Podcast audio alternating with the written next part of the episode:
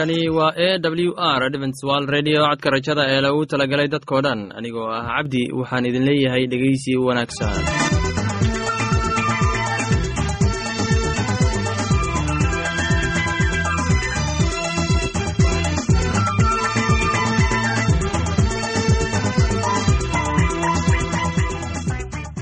barnaamijyadeena maanta waa laba qaybood. Qaybta koowaad waxaad ku maqli doontaan barnaamijka caafimaadka kadib waxaa inoo raaci doonaa cashar inaga imid bogga nolosha. Barnaamijyadeena maanta si wanaagsan unu dhegeysan doontaan haddii aad qabto wax su'aal ama tala. Iyo tusaale fadlan inala soo xiriir dib ayaynu kaga sheegi doonaa ciwaankayagu balse intaynan u guudagelin barnaamijyadeena xiisaa leh waxaad marka hore ku soo dhowaataan heestan daabacsan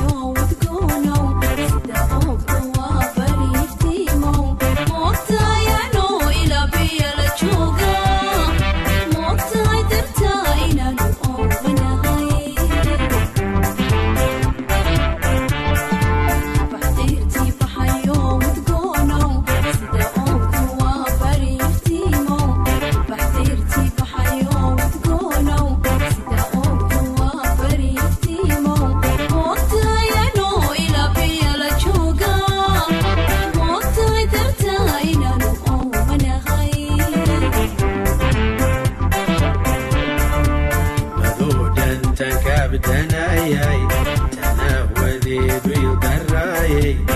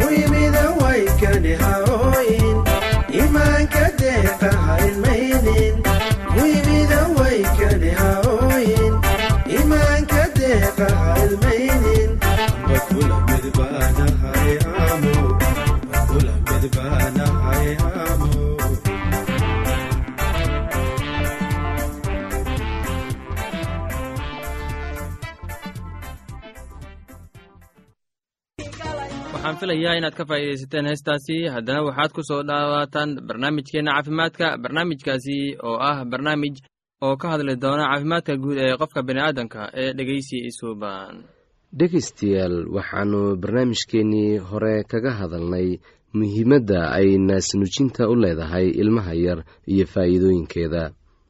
Waxaan kaloon tilmaannay in caanaha naaska hooyadu uu ilmuhu ka difaaco cudurro badan naasnuujintu waxay xitaa ilmaha ka ilaalisaa in ay ku dhacaan orgaanada waxyeelada wata oo waxayna horumariyaan lafaha qalka ku yaalla sidoo kale wuxuu ilmaha ka caawiyaa in ay hooyada fahmaan.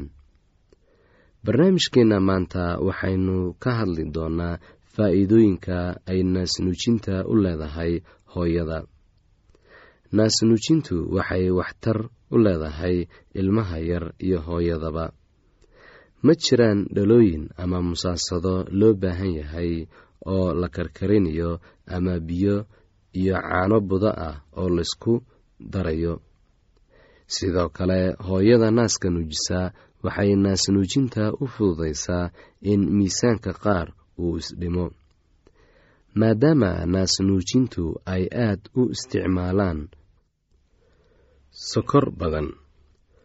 Naasaha irmaan waxay naasnuujinta ka dhigtaa inay naasuhu sidoodii hore ku soo noqdaan oo ay noqdaan sidii markii hore ay ahaayeen. Tan labaad naasnuujintu waxay hooyada ku qasabtaa in ay nasato.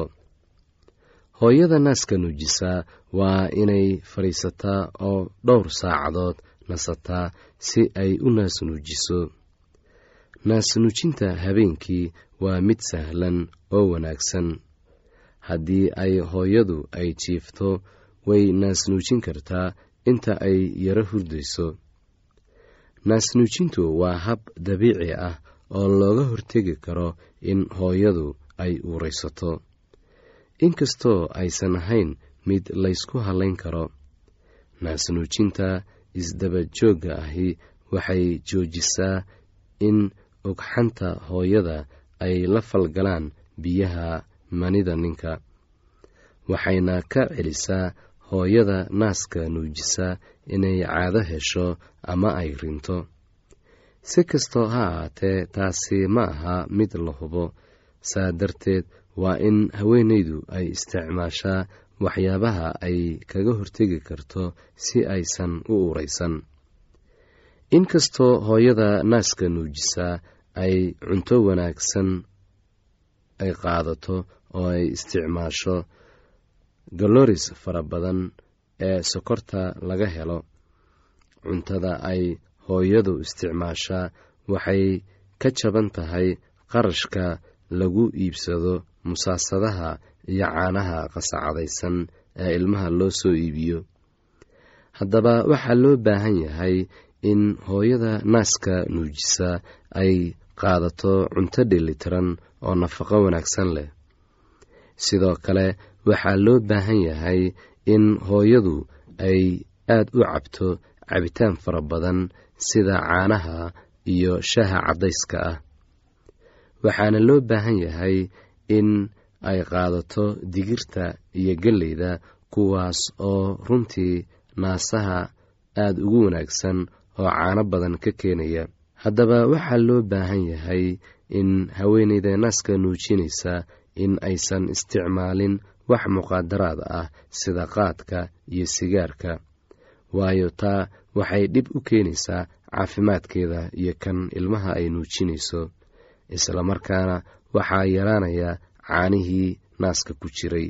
Haddaba waa in hooyada ay mar walba ka taxadirtaa caafimaadka guud ee ilmaheeda iyo iyadaba waxaana loo baahan yahay haddii ay xanuunsato in ay mar walbo la kaashato dhakhtarada ku shaqada leh carruurta iyo haweenka. Haddaba dhegayste waa mid muhiim ah in aan gebi ahaanteenba ahmiyad weyn aynu siinno hooyada naaska nuujinaysa si ay ilmuhu si wanaagsan ugu koraan oo ay u noqdaan kuwa caafimaad buuxa qaba waxaan filayaa inaad ka faa'iidaysateen barnaamijkaasi. Haddaba haddii aad qabto wax su'aal ama talo iyo tusaale fadlan inala soo xiriir. Ciwaanka yagu waa codka rajada sanduuqa boostada afar laba laba todoba lix nairobi kenya. Mar labaad ciwaanka yagu waa codka rajada sanduuqa boostada afar laba laba todoba lix nairobi kenya. Imeilka yagu waa somali at a w r o r g. Mar labaad imeilka yagu waa somali at a w r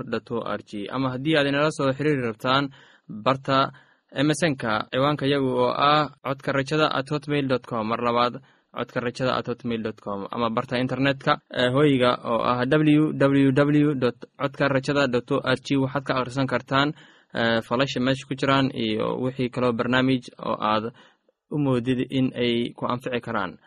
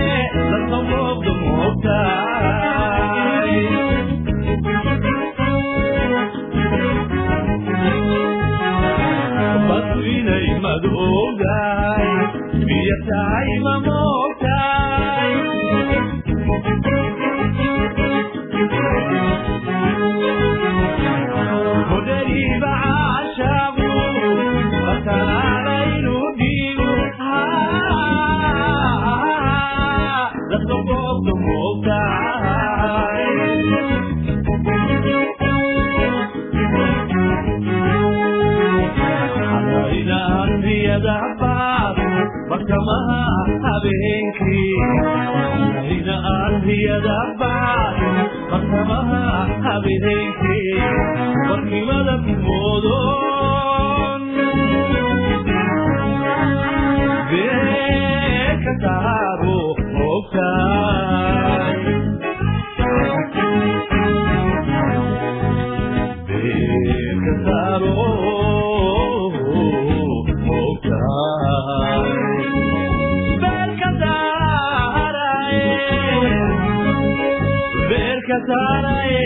beerka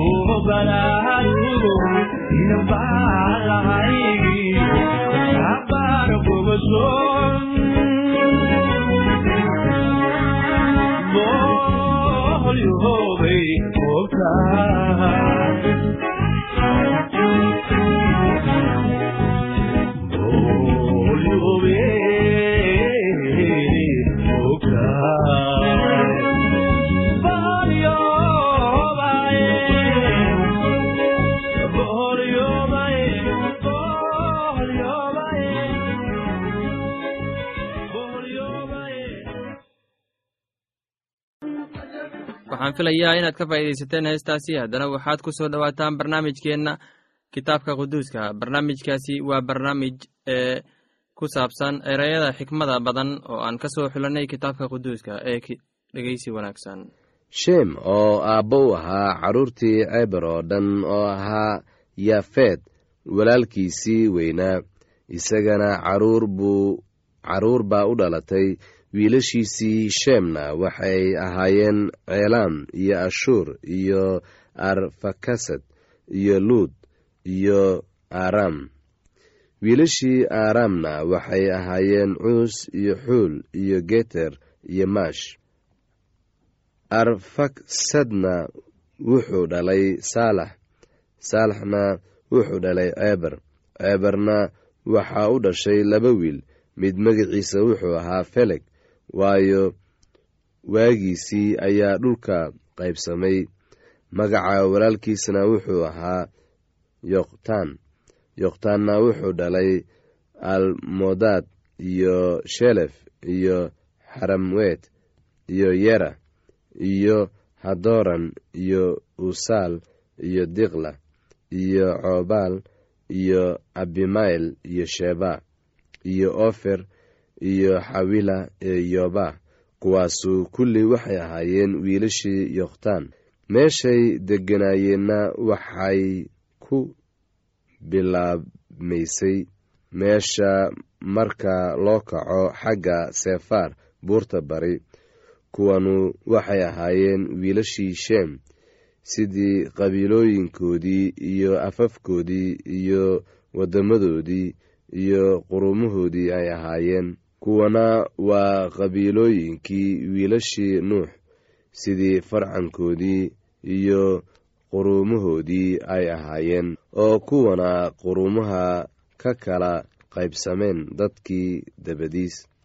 Dhulka oo dhammuna wuxuu ahaa isku af iyo isku hadal keliya waxaana dhacday markay xagga bari u sii socdaaleen inay waddankii shincaar meel bannaan ka heleen oo halkaas ay degeen oo waxay isku yidhaahdeen inakeena aynu lebel samayne oo aynu aad u dhuubne oo waxay dhagaxa meeshiisa u haysteen leben nuuradda meesheedana dhoobo oo waxay yidhaahdeen inakeena aynu magaalo dhisanne iyo munaarad dhaladeeda samada gaadho oo aynu magac yeelano. Waaba intaasoo aynu dhulka dushiisa oo dhan ku kala firirnaaye.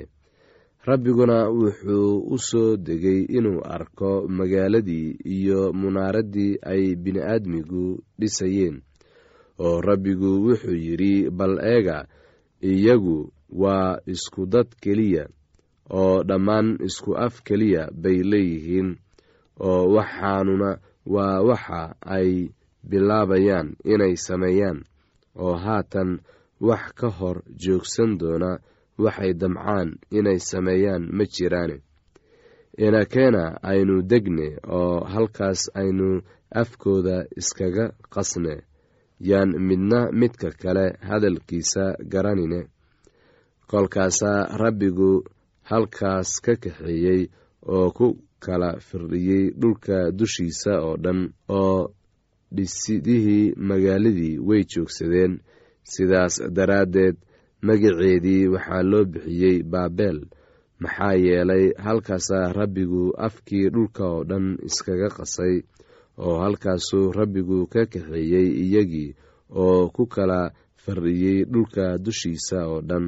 Kuwanu waa farcankii sheem sheem wuxuu jiray boqol sannadood oo laba sannadood oo daadkii ka dambaysay wuxuu dhalay arfaksed sheemna markuu arfaksed dhalay kadib wuxuu noolaa shan boqol oo sannadood wiilal iyo gabdhana wuu dhalay. Arfakshedna wuxuu jiray shan boqol iyo soddon sannadood wuxuuna dhalay saalax arfaksedna markuu saalax dhalay kadib wuxuu noolaa afar boqol iyo saddex sannadood.